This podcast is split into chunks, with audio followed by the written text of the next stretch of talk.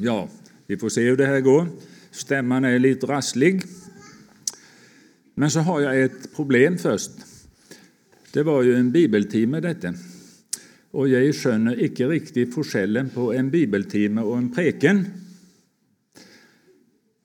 Kanske är det som en man som hade förberett ett föredrag, men när han kom fram så såg han att det stod att han skulle hålla en preken. Och så kom han i villrede. Vad ska jag göra nu? Men då sa han som arrangerade, det är inga problem. Du ändrar bara tonefallet. Så det kanske är det jag ska göra. Men vi ska i alla fall läsa lite mer i bibeltexten, så kanske det blir en bibeltimme. Vi ber. Ja, Jesus, så ber jag igen idag att du skulle frälsa åtminstone ett människa på denna sommarsamling. Ja, Herre, var du med oss med din goda helige Ande. Amen. Och vi ska börja med att läsa i Första Mosebok om syndafallet, det tredje kapitlet. Och där lyder de heliga orden så. Men slangen var listigare än alla dyr på marken som Gud Herren hade gjort, och den sa till kvinnan Har Gud verkligen sagt, dere skall icke äta av något trä i hagen? Kvinnan sa till slangen, vi kan äta av frukten på träna i hagen, men av frukten på det träd som är mitt i hagen har Gud sagt, dere skall icke äta av den och icke röra den, för då dör dere. Da sa slangen til kvinnen, dere kommer slett ikke til å dø.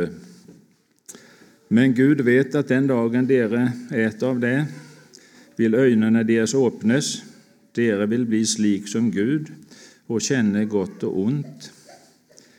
Kvinnen så nå at treet var godt å ete av, og at det var en lyst for øynene, et prektig tre, siden det kunne gi forstand, så tok hun av frukten og åt. Hun gav også sin mann, som var med henne, och han åt. Da ble begges øyne åpnet, og de skjønte at de var nakne. Så flettet de sammen fikenblad og bandt dem om livet. Og de hørte Gud Herren som vandret i hagen da dagen var blitt sval, og Adam og hans hustru skjulte seg for Gud Herrens åsyn mellom trærne i hagen. Da kalte Gud Herren på Adam og sa til ham, Hvor er du? Han svarte, Jeg hørte deg i hagen, da ble jeg redd, fordi jeg var naken og jeg gjemte meg. Da sa han, Hvem har sagt deg at du er naken? Har du ett av träet jag förbjöd dig att äta av? Adam sa, kvinnan som du gav mig till att vara hos mig hon gav mig av träet och jag åt. Då sa Gud Herren till kvinnan, vad är det du har gjort? Och kvinnan svarte, Slangen dåret mig och jag åt. Det första vi möter i Bibeln, i första versen i skapelseberättelsen, det är Jesus. I begynnelsen skapte Gud himmel och jord. Och begynnelsen det är ju inte bara början, det är också en person. Det är Jesus. Han är begynnelsen och änden. I honom skapade Gud, men i kan också översättas med genom. Genom honom skapade Gud och det kan också översättas med till. Till Jesus skapade Gud himmel och jord. Det är det vi läser i Kolosserbrevet, första kapitel och femtonde vers.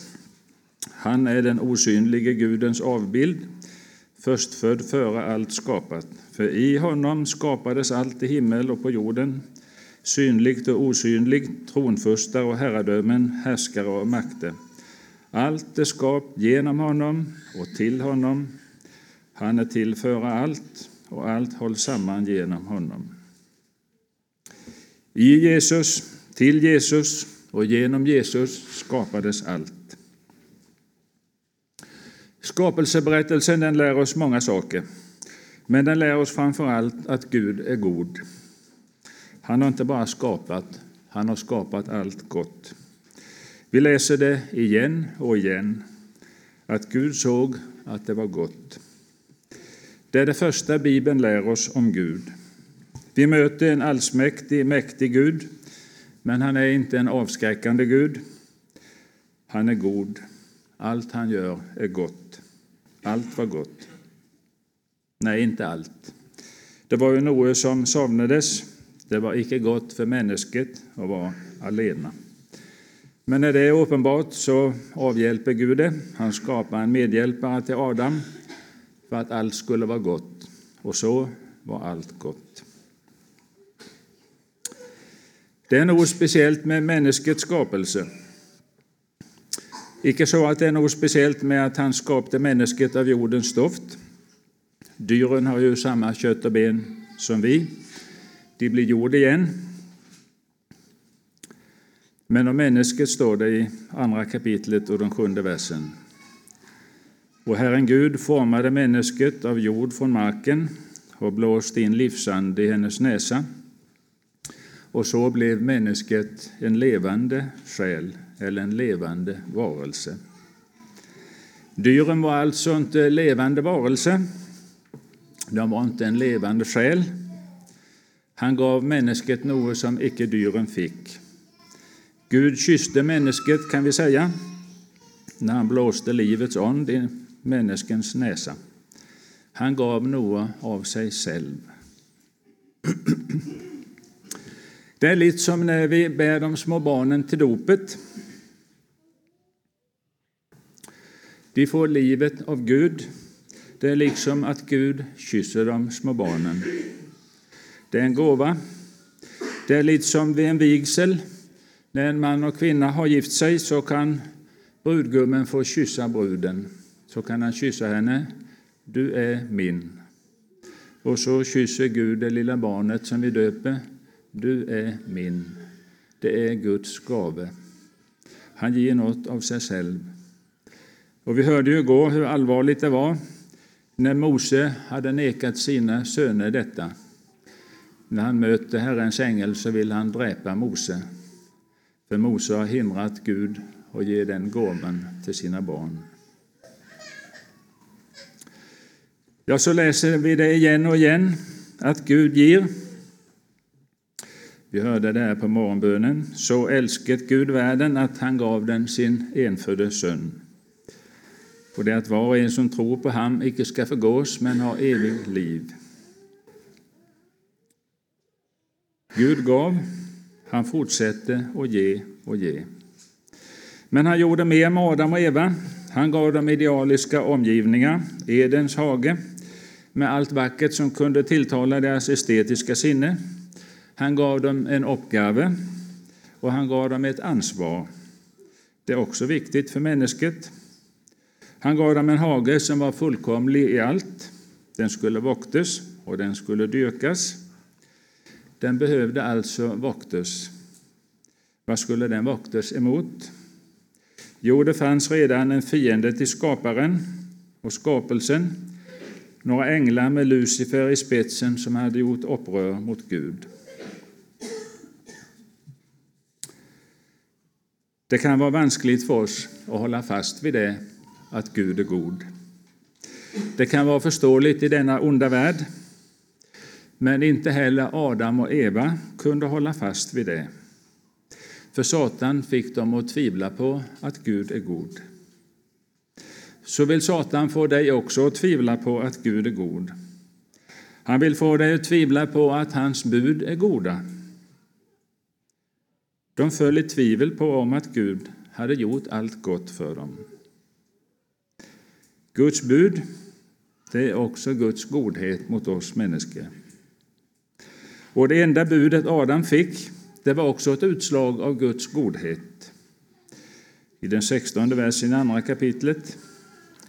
Och Herren Gud gav mannen denna befallning, du kan äta fritt av alla träd i lustgården, men av trädet med kunskap om gott och ont ska du inte äta, för den dag du äter av det ska du döden dö. Vi ska aldrig öppna för den tanken eller föreställningen att Gud vill neka oss någon sann glädje eller något sant gott. Bakom sådana idéer står den gamle slangen.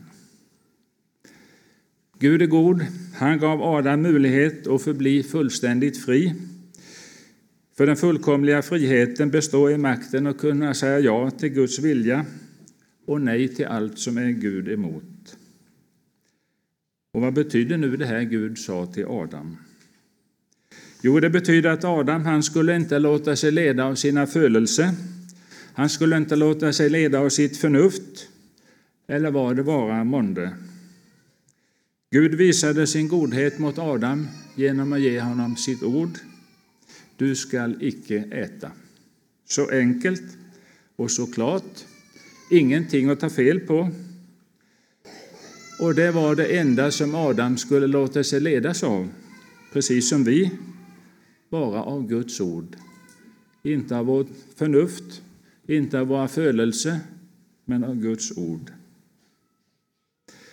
Den vars äktenskap inte blev så lyckligt som den hade hoppats, som blir förälskad i någon annan, och så vill den skiljas som många vill idag. Men Guds ord säger ju att du skall icke begå äktenskapsbrott. Tänk, det är Guds goda vilja för dig, även om du hamnade i ett äktenskap som icke blev alls så lyckat som du hade tänkt och önskat. Men det är få människor som förstår detta, eller vilket bud som helst, när det synes att hindra vår lycka.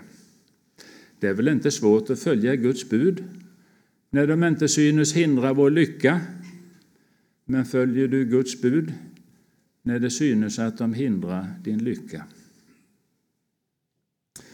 Ja, Adam var ju ensam, det var inte gott, så skapar Gud kvinnan. Andra kapitlet, 21 versen. Då lät Herren Gud en tung sömn falla över mannen. När han hade somnat tog han ut ett av hans revben och fyllde dess plats med kött. Och Herren byggde en kvinna av revbenet som han tagit från mannen och förde fram henne till honom. Då sa mannen, äntligen, hon är ben av mina ben och kött av mitt kött. Hon ska heta kvinna, för av man är hon tagen. Därför ska en man lämna sin far och sin mor och hålla sig till sin hustru, och de ska bli ett kött. Och mannen och hans hustru var båda nakna, utan att vara blyga för varandra. Lade du märke till vad Adam sa? Äntligen, sa han. Jag tänker det är detsamma Jesus sa när han försonat vår synd. Äntligen kan jag få en brud. Äntligen, sa Adam. Det är en lycka. Och hon passar samman med Adam. Hon är hans like, man som ju heter Ish, och kvinna heter då Isha. Och vi fattar inte riktigt det här när vi läser på våra språk. Vi skulle egentligen säga att hon heter Maninna. Och de var inte blyga. Varför var de inte det? Nej, de hade ju ingenting att dölja. För allt var rent och allt var oskyldigt hos dem. De kände inte till skam och skyldfölelse. Men så fortsatte det icke. De blev frestade till olydnad och de föll för frestelsen. Och så ska vi se på några drag i frestelsen de föll för. För frestaren börjar med att kasta ut en tanke. En tanke som innebar att människets mening var viktigare än vad Gud har sagt. Det sa han ju förstås inte rent ut, för det gör han sällan, men det var underförstått. Månne Gud verkligen har sagt. Det betyder, är det här rimligt det Gud har sagt? Tycker du det? Vad tycker du själv? Vad tycker du själv om det Gud har sagt? Det vi möter idag så ofta. Är det rimligt, tycker du, att inte kvinnor ska vara präster och predikanter? Tycker du det är rimligt? Är det rimligt att inte tillåta likkönade äktenskap? Ska inte de få älska vem de vill? Som en känd kristen ledare sa i Sverige för lite sen om Guds bud när det gäller äktenskap, likkönade äktenskap och så vidare. Jag säger varken ja eller nej. Jag förhåller mig ydmyk inför bibeltexterna. Känner du igen slangen när han begynner? Jag säger varken ja eller nej. Jag är ydmyk. Men har Gud verkligen sagt? Han kastar ut en tanke. Jag säger inte det ena eller det andra, jag bara spör. Du kan ju själv tänka. Är det rimligt? Predikar inte kvinnor lika bra som män? Det har jag hört att de gör. Eller? Böjer vi oss för världens värderingar? Eller är det den helige Ande, Elion, som ger oss mer kunskap, sa samme man. Det kanske inte är det att vi leds av världens ande när vi vill ha kvinnliga präster och predikanter. Det kanske är Guds ond som har gett oss mer kunskap, eller hur? Det är slangen som snackar i vår tid. Och lyckas det djävulen att få oss på den tanken att vår uppfattning är viktigare än Guds ord, då har han vunnit. Och för ytterligare leda människan bort från sannheten försöker han få en diskussion med Eva, och det lyckas han ju med. Och Eva hon överdriver lite vad Gud har sagt. Hon säger att man får inte heller röra vid det här trädet, då kommer ni att dö. Och så blir ormen lite modigare. Nej, ni kommer inte att dö. Nu vågar han säga emot Guds ord, när han bara fått igång diskussionen, när han bara liksom har fått igång det hela. Då går det som av sig själv, det fortsätter. Och han gör det så listigt att hans ord lyder mer kärleksfulla än Guds goda ord. Han förnekar nämligen att Gud straffar. Hur humant och kärleksfullt är inte detta av slangen? Hur befriande är inte detta? Inte sant? Gud straffar aldrig oss, han straffar aldrig någon människa. Nej, det finns ingen förtappelse, det finns inget helvete. Har du hört det idag? Hur många präster och predikanter tror att Gud straffar idag? Hur många tror att det finns en förtappelse? De är få, ska du veta.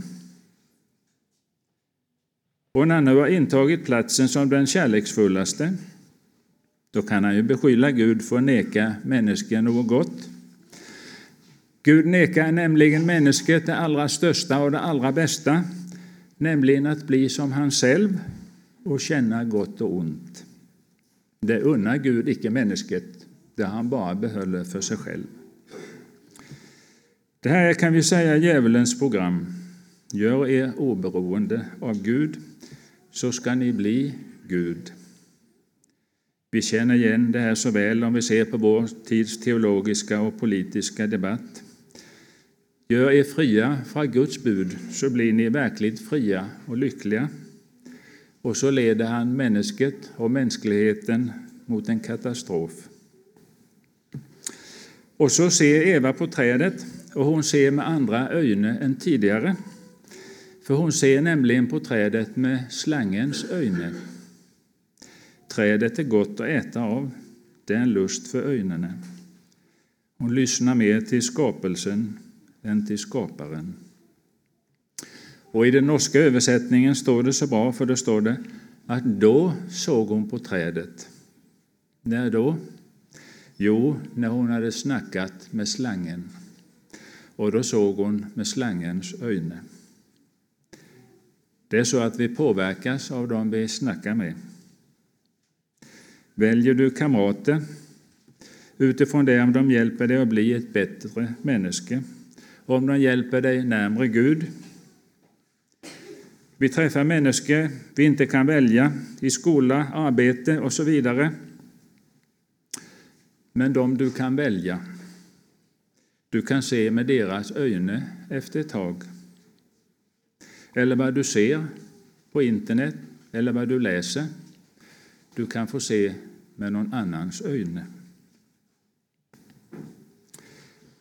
Jag kan vi inte känna igen allt det här när man i vår tid övergett Guds bud, det ena efter det andra. Som sagt, kvinnliga präster, församlingsföreståndare, skilsmässa, homosexuell samlevnad, otukt, samboskap.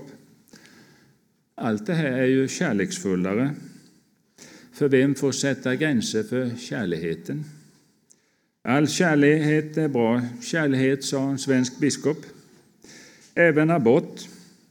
Du är väl inte så kärlekslös att du tvingar en kvinna att föda ett barn om hon inte vill? Skulle Gud ha sagt.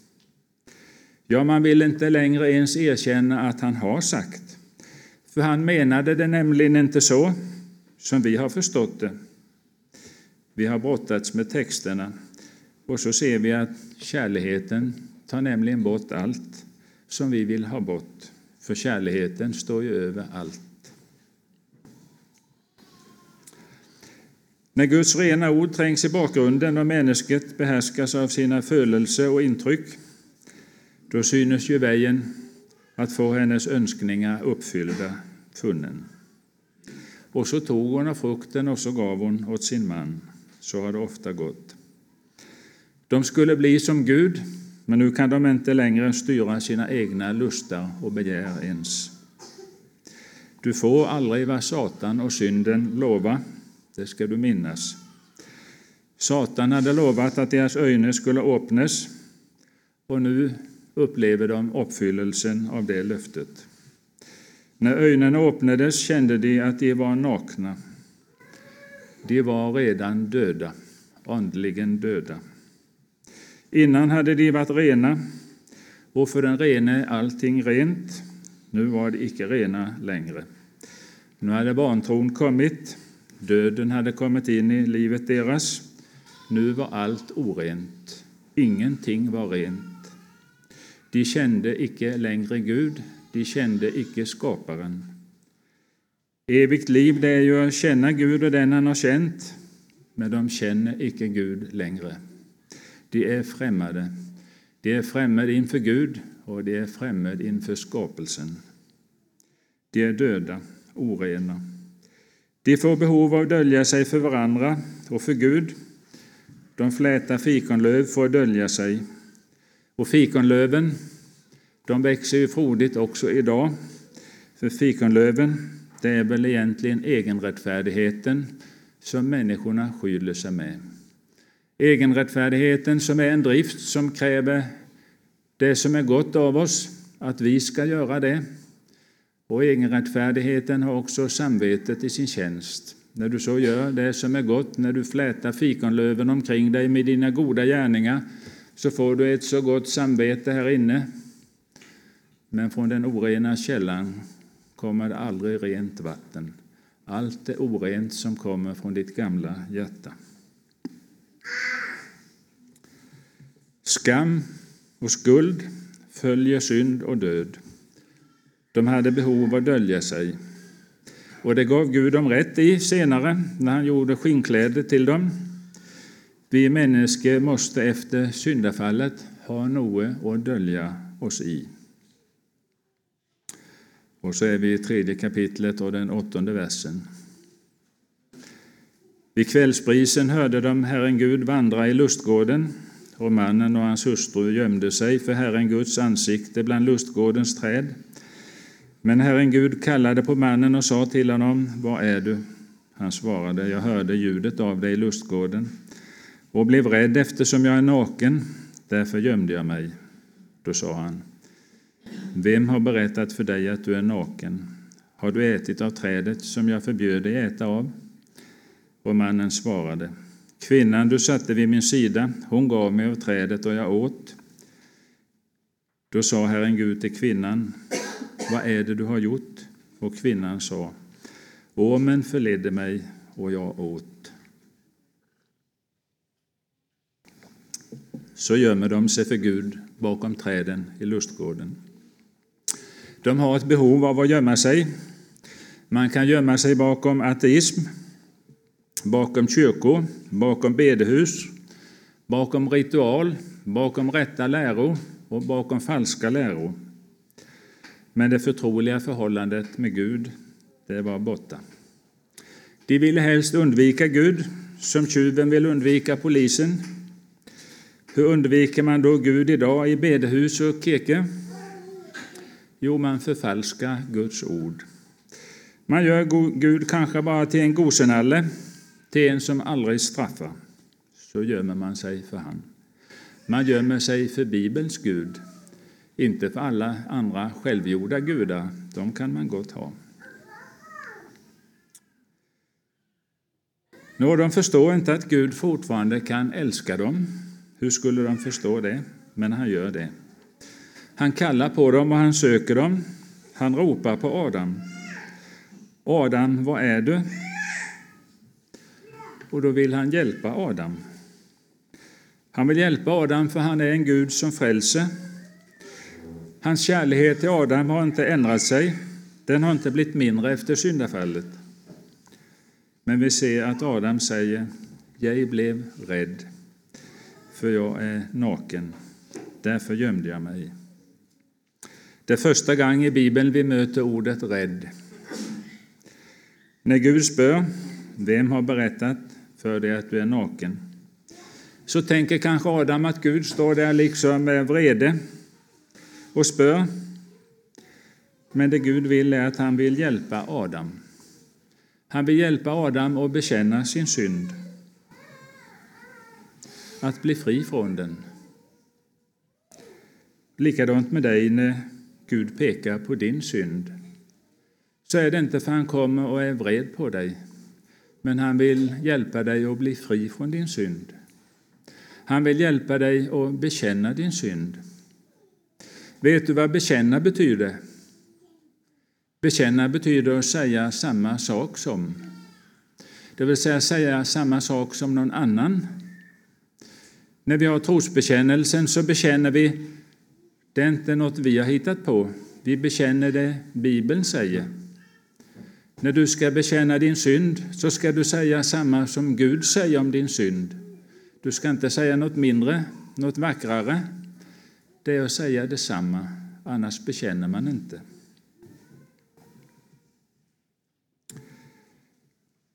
Men när Gud vänder sig till ett människa som har vänt sig från honom så känns det ju icke så bra. När Gud pekar på min synd Men Adam han talar ju delvis sant, men han talar inte om hela sanningen. Han bekänner inte. Han omtalar inte orsaken till sin rädsla, att han har syndat. Han nöjer sig med att säga att han är naken. Han talar bara om syndens symptomer, kan vi säga. Tänk så svårt det är för ett fallet människa att tala sannhet. Att helt tala sannhet, inte bara delvis. Säga att skylden är min. Naturligtvis kan man ju inte dölja något för Gud, men det är likväl en helt annan ting att bekänna det och så ta ansvaret för det. Adam han prövar ju att lägga ansvaret på Gud. Kvinnan som du gav mig, det var hon som gav mig av trädet och så åt jag. Han erkänner att han har ätit, men så pekar han på kvinnan. Hon är ju enligt hans mening mer skyldig än han. Och Gud måste ju vara mest skyldig naturligtvis, som satte kvinnan vid hans sida. Och så ser vi att förhållandet mellan man och kvinna, det är också skadat. Allt är inte gott i det fallet heller längre. För han säger, kvinnan som du gav mig, hon, det är inte ben av mina ben och kött av mitt kött längre. Hon är en främmande, hon är borta från mig. Hon, hon är inte maninna längre, för man är hon tagen. Det är kvinnan som du prackade på mig, kan vi säga. Men vad innebär Adams handlande? Jo, det blir värre för Adam att finna nåd hos Gud och det blir svårare för Gud att visa nåd mot Adam. Det är ingen tvekan att Gud först lägger störst ansvar på Adam för det hela, men Adam försöker föra över det på andra. Det var inte mitt fel. Det var ju hon som började. Vi känner igen det. Satan förespeglade människan att hon skulle kunna skilja på gott och ont som Gud nu kan Adam inte ens inse, och erkänna hur ont han själv har handlat. Så blind blev han. Så svårt blev det för människan att rätt skilja ont och gott efter syndafallet. Så svårt har vi för det. Synden och Satan lovade människets storhet, men resultatet blev det motsatta. Synden gav skuld och skam, och så dolde människorna sig för varandra och den gjorde dem rädda för Gud. För Bibelns Gud, inte rädda för andra påhittade gudar. Den tog bort deras begrepp om sanning och ansvar. Och vad är detta? Det är döden. Den dag du äter av det här ska du döden dö. Så hade ju Gud sagt. Den dagen dog människet. Vi ser två människor döda i sina synder och överträdelser. Den andliga döden inträder ögonblickligen. Den består i att man förlorar Guds ond, den Gud blåste in i människet vid skapelsen. Nu är hon bara död. Hon är evigt död om inte Gud griper in till hennes frälse. Den fysiska döden är ju också en följd, den kommer inte strax, men den är en lika säker följd. Den dag du äter av detta ska du döden dö. Och det gjorde Adam också kroppsligen, för en dag är för Herren som tusen år. Och innan den dagen slutade så dog Adam också kroppsligen. Och så ska vi läsa lite om syndafallets följder i tredje kapitlet och från den fjortonde versen. Då sa Herren Gud till slangen, eftersom du gjort detta ska du vara förbannad bland alla boskapsdjur och vilda djur. På din buk ska du gå och jord ska du äta så länge du lever. Jag ska sätta fiendskap mellan dig och kvinnan och mellan din avkomma och hennes avkomma. Han ska knusa ditt hode och du ska hugga honom i hälen. Till kvinnan sa han, jag ska göra din möda stor när du blir havande med smärta ska du föda dina barn, till din man ska din åtrå vara, och han ska råda över dig. Och till Adam sa han, du lyssnade på din hustru och åt av trädet som jag befallde dig att inte äta av. Därför ska marken vara förbannad för din skull. Med möda ska du livnära dig av den så länge du lever. Törne och tistel ska den bära åt dig, och du ska äta av markens örter. I ditt anletes svett ska du äta ditt bröd, tills du vänder åter till jorden, för av den är du tagen. Jord är du, och jord ska du åter bli.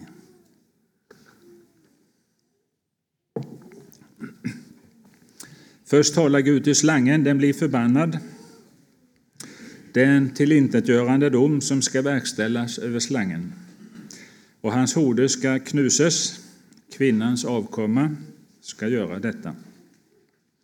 Och vad betyder det att slangens hode ska knuses? Det betyder att Gud tar från Satan hans makt. Han genupprättar sitt herradöme. Det sker på Golgata. Nu ska denna världens furste kastas ut. Där fullbordas ormens förbannelse. Och indirekt lovas människorna att de ska bli fria från Satans makt och vinna tillbaka det rätta förhållandet till Gud. Kvinnans avkomma en jungfru ska bli havande och föda en son. Han ska få namnet Jesus, för han ska frälsa sitt folk från deras synder. Men det är också så bokstavligt, du ska hugga honom i hälen. Jag tror inte att det var som på bildet här bakom, utan man spikade gärna fast de korsfästa i hälen. Och man har hittat en bit av ett kors med en krokig spik genom en häl, krokig spik som man inte fick ut från en korsfäst. Kvinnan hon har också lärt sig att skylla på någon annan. Och därnäst kommer straffet. Kvinnan ska föda med smärta, men till din man ska din åtrå vara och han ska råda över dig. Kvinnan hon strävar efter att vara man. Vi ser det idag i alla sammanhang. Men domen över kvinnan är inte en förbannelse som över slangen, men hennes ställning förringas. Hon som var en likaberättigad medhjälpare som i okomplicerad frihet vandrade vid Adams sida. Hon missbrukade sin ställning, sitt kall och förledde honom till synd. Och hennes största uppgift och glädje, att sätta barn till världen, blev blandad med smärta och möda, och hennes förhållande till mannen ändrades att han ska härska över henne. Och till sist talar Gud till Adam. Inte heller han drabbas av förbannelse som slangen, däremot blir jorden förbannad för hans skull. Vi vandrar på en förbannad jord, vet ni. Han måste som sin hustru se sitt upprinnliga kall förringat och ha blivit vanskligt. Nu skulle inte jorden vara givmild, nu blev det annorlunda. Med möda ska du skaffa dig föda, törne och tistel ska jorden bära, och i ditt anletes svett ska du äta ditt bröd tills du vänder tillbaka till jorden, för av den är du tagen. Han blev för syndens skull tvungen att bli jord igen. Det sägs inget positivt till Adam. Med honom kom döden in i världen. Han är far till alla som dör. Det positiva är knutet till kvinnan. Det är hennes avkomma all förväntan nu knyts till. Det förstår Adam, och han erkänner det, och därför ger han henne namnet Eva och tillkännager att hon är moder till allt levande. Det eviga livet och den fulla upprättelsen av den fallna människan, den kom med hennes avkomma. Men hennes avkomma, han har ännu inte kommit, och därför drivs de ut från Edens hage. Och keruberna med det flammande svärdet bevakar vägen till livets träd. Det skulle varit den största katastrof för oss människor om vi också kunnat ätit av livets träd. Då skulle vi levt för evigt med synden i våra hjärtan. Vi skulle levt för evigt på en förbannad jord. Aldrig någon ro.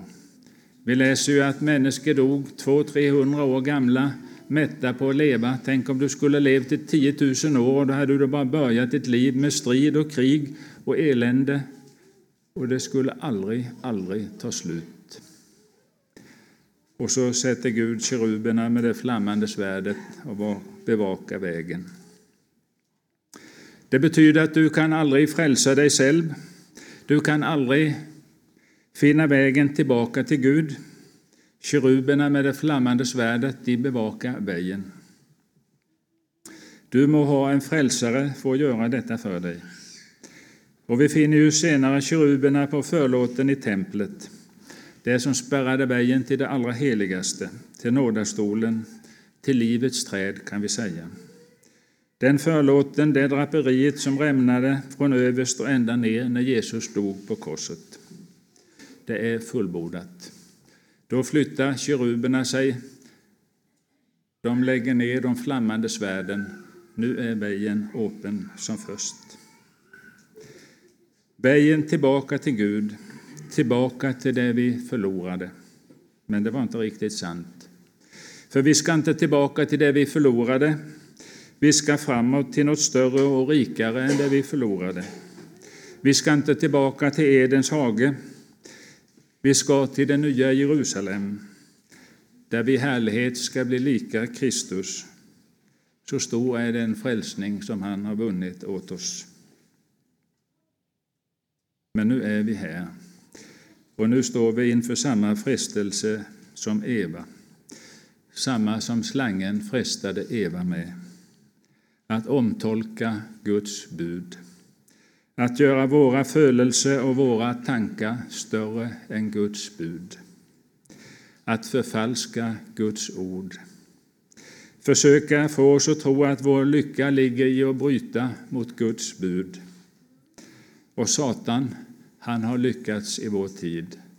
Frågan är om han ska lyckas också med dig och med mig. Det stora avfallet. Nästan hela kristenheten har lyssnat till slangen i vår tid. Gör du det, eller håller du Guds bud? Det är som sagt inte svårt när det inte kostar så mycket. Men håller du dem när det kostar någonting?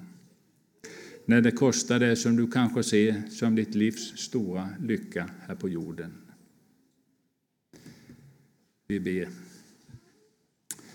Ja, så tackar vi dig, Herre, för din kärlek till oss, den kärlek som har gett oss dina bud. De bud som utgår från din kärlek, och så vill slangen få oss att tro att du vill hindra oss i att få något gott, att vi blir lyckligare om vi bryter dina bud. Du ser, Herre, att så tänker de flesta i kristenheten idag. Så ber vi att du skulle bevara oss, att du skulle ge oss öjne och se med, öron att höra med. Att du skulle ge oss tillit till dig. Att vi skulle frukta och älska dig. Ja, vi tackar dig, Herre, för att vi får samlas här om ditt ord. Låt det inte falla som vatten på en gås som bara rinner av oss. Låt det falla in i vårt hjärta och följa oss. Amen.